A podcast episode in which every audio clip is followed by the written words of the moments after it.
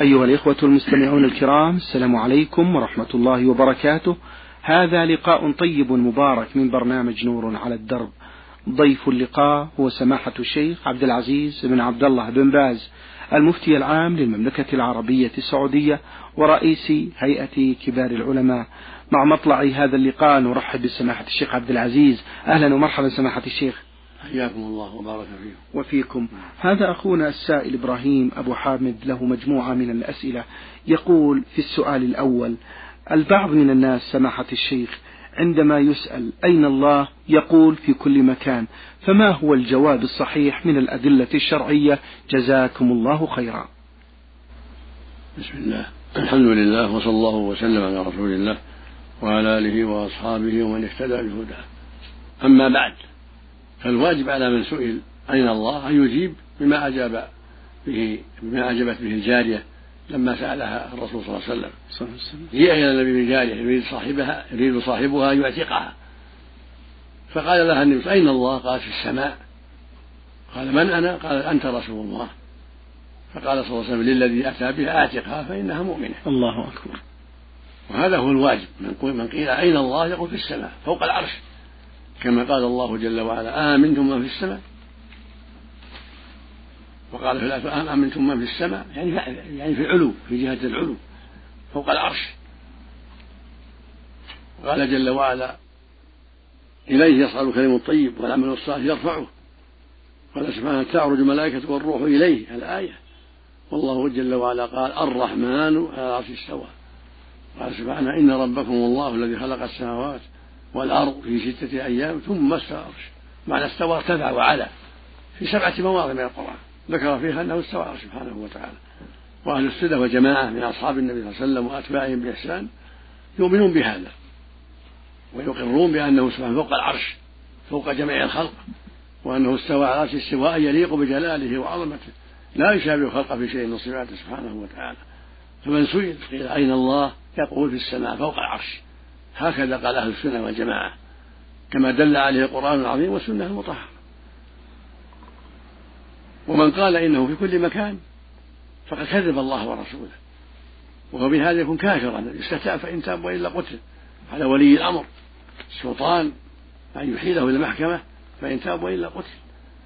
لأن معناه إنكار كون الله في العلو كونه فوق العرش. معناه تكذيب الله وتكذيب الرسول صلى الله عليه وسلم.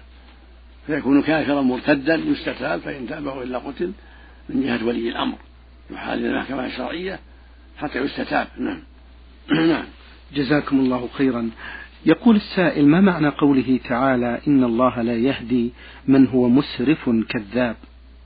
هذا وعيد. وعيد شديد. يدل على المسرفون أن المسرفين والكذابين متوعدون بأن لا يهديهم الله وأن لا يوفقهم. فالواجب الحذر واجب التوبة من الإسراف والكذب حتى يهديه الله. من أراد الهداية فليتب إلى الله فليبادر بالتوبة فليبادر بالعمل الصالح ويسأل ربه أن يهديه. الله جل وعلا أمرنا أن نقول اهدنا الصراط المستقيم. في كل ركعة من صلاتنا. فالواجب على من كان عنده إسراف في المعاصي كان عنده كذب عنده شيء من مما يخالف أمر الله يبادر بالتوبة. وأن يحرص على التوبة وأن يسأل ربه الهداية. يضرع إلى الله. اللهم اهدني سواء السبيل. اللهم اهدني صراطك المستقيم. يضرع إلى الله. في صلاته وفي غيرها. السجود في آخر الصلاة في كل وقت. لكن مع الحذر من الإصرار على المعاصي. فإن الإصرار على المعاصي والكذب من أسباب الحرمان. من عدم قبول دعوته ومن عدم هدايته. نسأل الله العافية. جزاكم الله خيرا سماحة الشيخ. في آخر أسئلة السائل إبراهيم يقول ما حكم الإيمان بالكتب السماوية وكم عددها جزاكم الله خيرا؟ الواجب الإيمان بها إجمالا وتفصيلا إجمالا فيما لم يبين يسمى يؤمن بأن الله أنزل كتب على الرسل والأنبياء. كما قال تعالى لقد أرسلنا رسلا بالبينات وأنزلنا معه الكتاب والميزان ليقوم الناس بالقسط. يؤمن المؤمن بأن الله أنزل كتب على الرسل عليهم الصلاة والسلام فيها العدل وفيها الشرائع. ويؤمن بما سمى الله من التوراة والإنجيل والزبور يؤمن بما سمى الله. سماها لنا التوراة على موسى والإنجيل على عيسى والزبور على داود يؤمن بما سمى الله وبين سبحانه والقرآن على محمد عليه الصلاة والسلام. فما سمى الله سميناه وآمنا به نصا. وما أجمله الله أجملنا. ونقول الله جل وعلا أنزل كتبا على أنبيائه ورسله. نؤمن بها ونصدق بها ونعلم أنها حق. من عند الله عز وجل. لكن لا نعلم تفصيلها إنما نعلم أنه أنزل كتبا إقامة للحجة وقطعا للمعذرة ومنها التوراة والإنجيل والزبور والقرآن. التوراة على موسى والإنجيل على عيسى والزبور على داود والقرآن على خاتم الأنبياء محمد عليه الصلاة والسلام. نعم. جزاكم الله خيرا سماحة الشيخ. السائل عبد الله العوشن يقول في هذا السؤال سماحة الشيخ كثيرا ما يردد في آه، أدعية أئمة المساجد. آه، قولهم في دعاء القنوت. اللهم إنا نسألك بعزك الذي لا يرام وبركنك الذي لا يضام وبنور وجهك الذي أشرقت له الظلمات فهل هذا الدعاء جائز بهذه الصيغة؟ وجزاكم الله خيرا. لا لا أعلم بأسا. فإن ركنه لا يضام وعزه لا يرام كل الناس عزهم دون عزه سبحانه وتعالى كلهم ضعفاء لديه وهو قادر على كل شيء سبحانه وتعالى. ونور وجهه سقى له الظلمات له نور السماوات والأرض سبحانه وتعالى. الله نور السماوات والأرض. ولنورهما وأقام الشمس وأقام القمر نورا للعباد كل شيء عنده جل وعلا. فهو منورهما وهو مسخر الشمس والقمر مسخر النجوم الذي أعطانا مادة النور سبحانه وتعالى من السراج الذي ينور به من الماده التي تجعل في السراج حتى ينور كل هذا من فضله سبحانه وتعالى. فهو الذي نور العباد ويسر لهم الأرزاق وله وهو الذي بيده تصريف الأمور جل وعلا. فلا يضام عزه ولا ملكه سبحانه وتعالى. وهو القاهر فوق عباده. وكلهم تحت قهره وكلهم تحت قدرته وكلهم تحت عزه سبحانه وتعالى وكلهم في قبضته. نعم. جزاكم الله خيرا سماحة الشيخ. هذا السائل نبيل محمد يقول في هذا السؤال قال رسول الله صلى الله عليه وسلم أهل بيتي كسفينة نوح من ركبها نجا ومن تخلف عنها هلك وهوى. هل هذا الحديث صحيح؟ سماحة الشيخ. لا ليس بصحيح هذا موضوع حديث موضوع السفينة القرآن والسنة هذه السفينة. السفينة كتاب الله وسنة رسوله عليه الصلاة والسلام. من استقام عليهما نجا ومن تخلف عنهما هلك. وأما أهل البيت فيهم الصحيح وفيهم الصالح والطالح. أبو لهب من أهل البيت وهو من أكثر الناس.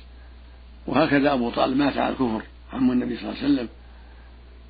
فالصالح يرجى له الخير مثل علي بن أبي طالب أمير المؤمنين مثل الحسن والحسين مثل علي بن حسين مثل جعفر بن محمد ومثل العباس بن عبد المطلب بن عباس رضي الله عنه وفضل بن عباس وغيرهم من الصحابة ومن غير الصحابة. أهل البيت المستقيمون لهم أجرهم ولهم فضلهم والواجب محبتهم في الله وإعانتهم على الخير والإحسان إليهم. كما قال صلى الله عليه وسلم أذكركم الله في أهل بيتي أذكركم الله في أهل بيتي فحبهم دين. ومن عقائد أهل السنة والجماعة حب أهل البيت المؤمنين والترضي عنهم والإحسان إليهم. والدفاع عنهم إذا ظلموا.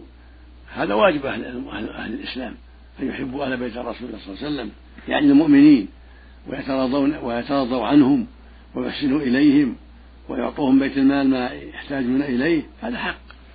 أما فاسقهم فيعامل كما يعامل غيره ينصح ويوجه إلى الخير وتقام عليه الحدود وكافرهم مثل غيره. لا يحب بل يبغض في الله حتى يسلم. كأبي لهب وأبي طالب وغيرهم ممن كفر بالله ولم يؤمن بالرسول صلى الله عليه وسلم. نعم. جزاكم الله خيرا. من أسئلة هذا السائل نبيل محمد يقول في هذا السؤال رجل قال زوجتي طالق فعلت كذا ثم فعل. وعندما قال هذا الكلام كان في حالة غضب ماذا يلزمه سماحة الشيخ؟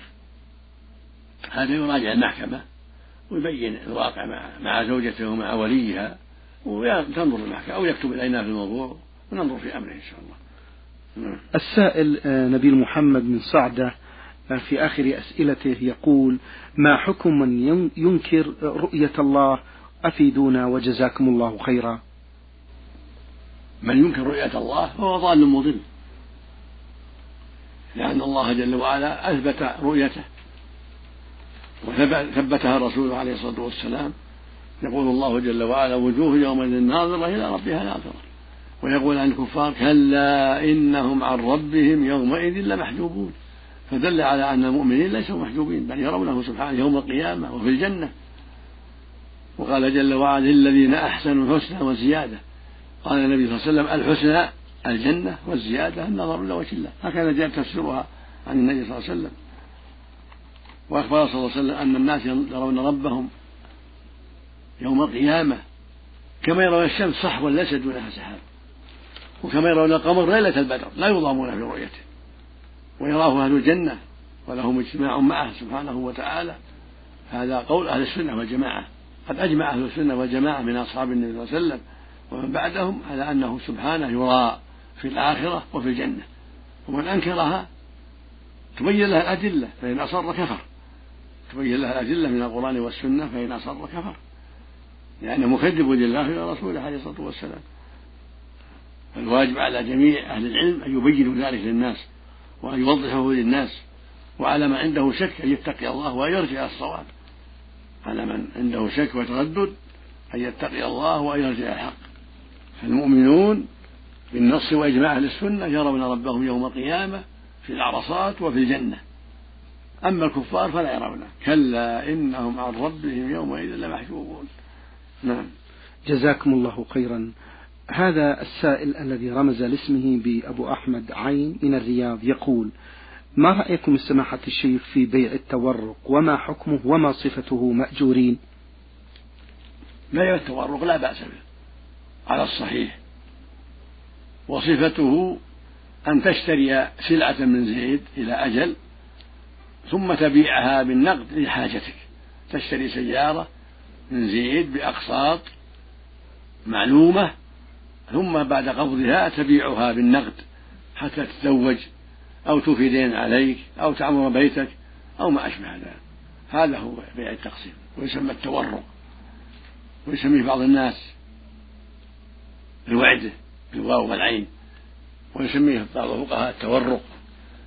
فهذا بيع التقسيط. فإن كان لغير البيع فإنه لا حرج فيه عند الجميع. لو اشترى السلعة السيارة إلى أجل لكن ليستعملها هذا جائز عند الجميع. أو اشترى بيتا بالتقسيط ليسكنه هذا جائز عند الجميع. لقول الله سبحانه يا أيها الذين آمنوا إذا تداينتم بدين إلى أجل مسلم فاكتبوه. فأباح الله مداينة. لكن الخلاف إذا اشتراه ليبيعه اشتراه بأجل ليبيعه بالنقد حتى يستعمله في حاجته. هذا يقال له بيع. التورق وبيع التقسيط لبيع المبيع بالنقد. هذا هو محل الخلاف. والصواب أنه لا حرج فيه. ولو أنه للبيع. ويسمى التورق ويسمي بعض العامة الوعدة فإذا اشتريت السيارة بأقساط معلومة وقصدك أن تبيعها لتزوج أو لتعمر بيتا أو لتوفي دينا فهذا يسمى بيع التورق وهو صحيح. الصواب أنه لا بأس به. لأنه داخل في قوله جل وعلا يا أيها الذين آمنوا إذا تداينتم بدين إلى أجل, أجل وداخل في قوله سبحانه وأحل الله البيع وحرم الربا. وداخل في الأحاديث الصحيحة البيعان بالخيار إلى غيره. نعم. جزاكم الله خيرا. هذا السائل عارف ألف يقول في هذا السؤال كيف يعامل الشخص والديه في ظلمهم لزوجته؟ حيث أن هذه الزوجة صابرة من أجل أن تنا من أجل أن تنال محبة الله ومحبة الرسول. وزوجها يخاف إن خرج من عند أهله أن يكون قد عصى الله والرسول وهي تقوم بكل الواجبات في البيت. والزوج لا يستطيع أيضا أن ينصح الوالدين أو أن يتحدث معهم في هذا الأمر بالرغم أنه ليس راضي عنهم في معاملتهم لزوجته بهذا الأسلوب. سماحة الشيخ يقول وجهونا جزاكم الله خيرا. ما دامت صابرة محتسبة جزاها الله خيرا. وعليك أن تنصحهما أو تطلب من غيرك أن ينصحهما كأعمامك أو بعض جيرانك الطيبين أن ينصحوا والديك حتى يحسن يحسن إلى زوجتك. كله طيب. وإذا تكلمت معهما بكلام طيب وقلت لهما يا والدي هذه المرأة صفتها كذا صفتها كذا أرجو أن تحسن إليها أرجو أن تصبر أن تصبر عليها وما أشبه من الكلام الطيب فلا بأس. وإذا صبرت جزاها الله خيرا. وأنت عليك بالرزق والكلام الطيب وسؤال الله أن يهدي والديك حتى ينصفاها وحتى يعرف حقها وحسن سيرتها. وأبشر بالخير أصبر وهي تصبر وأبشر وأبشر بالخير. ولكن مع هذا كله لا مانع أن تطلب من جيران طيبين أو أقارب طيبين أن ينصحوا الوالدين لا بأس. أو أنت مع والديك بالرزق والكلام الطيب. تقول يا والدي يا أبي كذا يا والدتي كذا وكذا هذه زوجة صالحة هذه عملها طيب. أرجو أن أن تحسن إليها وما أشبه ذلك. ومع مع سؤال الله أن يهديهما وأن يوفقهما لإنصافها. نعم. جزاكم الله خيرا. سماحة الشيخ يقول في سؤاله الثاني ما حكم من ذهب لطلب العلم وأخذ معه زوجته ويكون هناك بدون عمل حيث صاحب مكان طلب العلم متكفل لطلاب العلم لتوفير السكن العائلي والمأكل والمشرب؟ ما حكم ذلك؟ يقول ما حكم من ذهب لطلب العلم وأخذ معه زوجته ويكون هناك بدون عمل حيث أن صاحب مكان العلم متكفل لطلاب العلم بتوفير السكن العائلي والمأكل والمشرب ما الحكم في ذلك؟ إذا كان المحل طيب وسليم والمعلم من أهل السنة والجماعة وذهابه بأهله يكون لهم مكان مناسب ليس فيه اختلاط فهذا أصل له وأقرب إلى الخير. حتى لا يقع في الفاحشة وحتى لا تسوء حاله. فإذا كانت معه زوجته فهذا خير له. إذا كان المحل مناسبا وليس فيه اختلاط وليس فيه شر عليه ولا على زوجته. فالحمد لله. نعم. جزاكم الله خيرا. السائل يقول ما حكم من يصلي في رمضان 24 ركعة ويقنت في صلاة الفجر ويعجل فيها كي لا يكون شاقا على من خلفه؟ و... يقول ما حكم من يصلي في رمضان 24 ركعة ويقنت في صلاة الفجر ويعجل فيها كي لا يكون شاقا على من خلفه؟ وجهونا في ذلك. صلاة الليل موسع فيها. والحمد لله. لكن أربعة أربعة وعشرين لا وجه لها. ثلاثة وعشرين نعم كان. الصحابة صلوا ثلاثة وعشرين وصلوا إحدى عشرة عشرين يسلم من كل اثنتين يوتر بثلاث ويسلم من اثنتين ثم يوتر بواحدة. أما أربعة وعشرين ما لها وجه شفع لكن يصلي ثلاثة وعشرين أو واحدة وثلاثين أو ثلاثة وثلاثين أو ثلاثة وأربعين أو تسعة وثلاثين يعني وتر. لا بأس لا فيها حد ليس في هذا حد محدود والحمد لله. يقول النبي صلى الله عليه وسلم صلاة الليل مثنى مثنى فإذا خشي الصبح أوتر بواحدة. فإذا صلى عشرا وأوتر بواحدة يعني إحدى عشر كما كان يفعل في غالب التهجد عليه الصلاة والسلام. أو صلى ثلاث عشرة أو صلى ثلاثة وعشرين أو صلى أكثر من ذلك لكن يوتر بواحدة. يوتر بواحدة. لقوله صلى الله عليه وسلم صلاة الليل مثنى مثنى فإذا خشي أن الصبح صلى ركعة واحدة توتر له ما قد صلى. والأفضل إحدى عشرة أو ثلاثة عشرة لأن هذا هو كما فعله النبي صلى الله عليه وسلم. وإن أوتر بأكثر كما فعل الصحابة في بعض الأحيان أوتر ب 23 في عهد عمر أو أوتر ب 36 يعني مع الوتر 39 أو أوتر ب 41 أو بأكثر من هذا فكل هذا لا حرج فيه والحمد لله. لكن يصلي ثنتين ثنتين يسلم من كل ثنتين وأقل من ذلك واحدة أقل الوتر واحدة. وفي رمضان الأفضل أن يوتر بإحدى عشرة أو ثلاثة عشرة. وإن أوتر بثلاثة وعشرين يسلم بكل ثنتين كله طيب والحمد لله. الحمد لله جزاكم الله خيرا. سماحة الشيخ من أسئلة هذا السائل يقول ما حكم الإسراف والتبذير بالأكل والماء؟ الإسراف والتبذير لا يجوز. لا هذا ولا هذا. ربنا يقول جل وعلا كلوا واشربوا ولا تسرفوا ويقول سبحانه ولا تبذر تبذيرا. والإسراف الزيادة في الأكل على وجه يعني يضر الآكل أو يحصل منه إضاعة المال بغير وجه. والتبذير صرف الأموال في غير وجهها. صرف الأموال في غير وجهها هذا تبذير والزيادة فيها لغير حاجة يسمى إسراف. فالواجب على المؤمن في أكله وشربه وصنع الطعام ألا يكون مسرفا.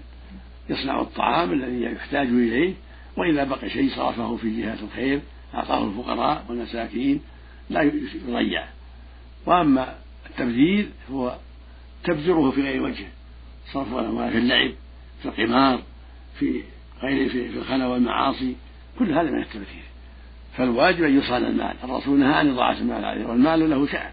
فالواجب أن يصان عن الإضاعة ولا يبذر به المؤمن ولا يسرف فيه بل يصونه ويصرفه في وجهه في وجوه الخير في الصدقة في إكرام الضيف في إعانة المعسر في تعمير المساجد. في تعمير المدارس لتعليم القرآن والسنة إلى غير هذا المال يصرف في وجوه الخير. أما كون يبذر في في الباطل أو يسرف فيه حتى يلقى في غير حاجة في الزبل أو في محلات أخرى فهذا لا يجوز. الواجب أن يكون الطعام مصونا ما فضل يعطى الفقراء والمساكين ولا يبذر في غير وجهه نعم. جزاكم الله خيرا. في آخر أسئلة هذا السائل يقول سماحة الشيخ ما حكم من تزوج؟ ثم دعا الله ألا يرزقه الله إلا بذرية صالحة. مع العلم بأن هذا مخالف لحديث تزوجوا الولود الودود. وجهونا في ذلك. إيه؟ يقول ما حكم من تزوج؟ ثم دعا الله ألا يرزقه الله إلا بذرية صالحة. مع العلم بأن هذا مخالف لحديث تزوجوا الولود الودود. ما في هذا مخالف إذا تزوج وسأل الله يرزقه ذرية صالحة هذا طيب. يتزوج ويرزقه ويسأل ربه يرزقه ذرية صالحة ما في هذا مخالف استثنى سماحة الشيخ يقول أن لا يرزقه الله إلا بذرية. يسأل ربه أن لا يرزقه إلا بذرية صالحة يسأل الله أن لا يرزقه ذرية خبيثة. طيب. يسأل ربه أن تكون ذريته كلها طيبة مثل ما قال جل وعلا. عبدي منه ذرية طيبة إنك سميع الدعاء. قل زكريا المقصود أن كون الإنسان يتزوج زوجة أو زوجتين أو ثلاث أو أربع يسأل ربه أن يرزقه ذرية صالحة وأن لا يهبه ذرية خاسرة. لا حرج. وش بذرية طيبة؟ يسأل الله أن يهبه ذرية طيبة لا بأس. جزاكم الله خيرا سماحة الشيخ. هذه السائلة أختكم أم علي لها مجموعة من الأسئلة. تقول هل يجوز للمرأة أن تسافر مع أختها وزوج أختها آه، أو تسافر مع أسرة أخرى صديقة لهم وهي ليست وليس معهم محرم؟ لا يجوز لها السفر إلا بمحرم لا مع زوج أختها ولا مع زوج عمتها ولا غيرهم. الواجب ألا تسافر إلا مع المحرم. لأنه ثبت عنه صلى الله عليه وسلم قال لا تسافر المرأة إلا مع المحرم هكذا ثبت عن النبي صلى الله عليه وسلم في الصحيحين. يقول صلى الله عليه وسلم لا تسافر المرأة إلا مع المحرم فليس لها أن تسافر مع زوج أختها ولا مع أصدقائها إذا لم يكن معها محرم جزاكم الله خيرا. تقول السائلة في هذا السؤال نجاسة الأطفال الصغار إذا نزلت على الأرض ثم جفت دون غسلها فهل يطهر المكان بمجرد الجفاف وهل تجوز الصلاة في هذا المكان الجاف من النجاسة؟ لا يطهر حتى يراق عليه الماء إذا عرف محل النجاسة يراق عليها الماء. مثل ما أراق النبي صلى الله عليه وسلم على بول الأعرابي سجلا من ماء. فإذا عرف محل البول يراق عليه الماء من الصبي أو من غير الصبي حتى يطهر المحل. نعم. جزاكم الله خيرا. في آخر أسئلة هذه السائلة تقول سماحة الشيخ هل يجوز استخدام المواد الكيميائية والماء المغلي في الحمامات وذلك لتنظيفها مع وجود الكائنات التي نتعوذ منها؟ تقول هل يجوز استخدام المواد الكيماوية والماء المغلي في الحمامات لتنظيفها مع وجود الكائنات التي نتعوذ منها؟ ما يعلم بأس في ذلك في غسل الحمامات بالماء الدافئ وفيه المواد التي تمنع الصراصر والصراصر والأشياء المؤذية لا مانع من ذلك. إذا كان المقصود من الأشياء المؤذية من عقارب أو حيات أو صراصر أو شيء يؤذيهم لا بأس. الحمد لله. لكن لا يكون بالنار يكون بالمواد المزيلة. النار لا يعذبها إلا الله. الماء الحار اللي يقتل لا. لكن يستعملون المواد التي تبيد الحشرات لكنها هي بنار جزاكم الله خيرا. السائل أبو رامي له هذا السؤال. يقول سماحة الشيخ هل يجوز خصم قيمة الدين على المعسر؟ يقول هل يجوز خصم قيمة دين على معسر من قيمة الزكاة الواجبة؟ وإذا كان الجواب بنعم ما هي شروط ذلك؟ وإذا كان المعسر لا يصلي هل يجوز ذلك أيضا؟ لا يجوز خصم الدين عن الزكاة. ولكن ينظر معسر وأما يعتبر دينه على معسره من الزكاة لا. لأن هذا وقاية لدين لماله. لأنه يخشى أن يضيع عليه هذا المال. عند معسر فيجعله فيجعله وقاية لماله. لا. الزكاة إعطاء. الزكاة إيتاء. يؤتي من المال اللي عنده. أما الدين على المعسر فهذا ينظر فيه حتى يوفي الله عنه. لأن الله يقول وإن كان ذو عسرة فنظر إلى ميسرة. فلا يجوز جعله زكاة. وإذا كان لا يصلي لا يعطى من الزكاة لأن ترك الصلاة كفر. نسأل الله العافية. إلا إذا كان مؤلفا من مؤلف قلوبهم من رؤساء العشائر من الكبار الذين يرجى بإسلامهم وقوة إيمانهم أن يسلم نظراءهم وأن يقوى إيمانهم وأن يقتدى بهم. لأن الله جعل للمؤلفة حقا في الزكاة. إذا كانوا ممن يطاع من الرؤساء والأعيان الذين يرجى بإسلامهم إسلام نظرائهم. وقوة إيمانهم وقوة إيمان نظرائهم نعم. جزاكم الله خيرا.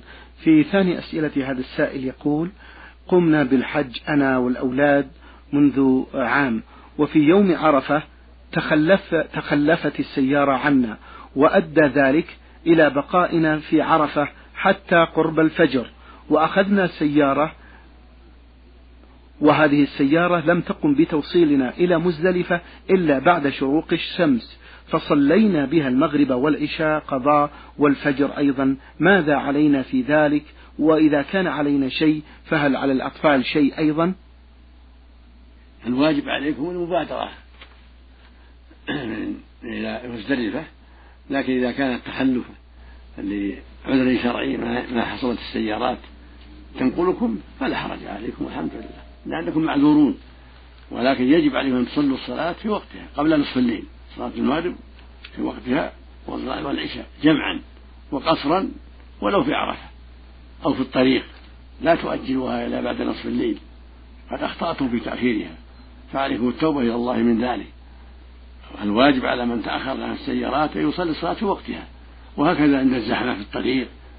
لا لا يؤخر الصلاة. يصليها قبل نصف الليل المغرب والعشاء قصرا وجمعة وليس عليه شيء إذا فاته المبيت في مزدلفة من أجل العذر الشرعي. وهو تأخر السيارات وعجز عن المجيء لا حرج فاتقوا الله ما استطعتم.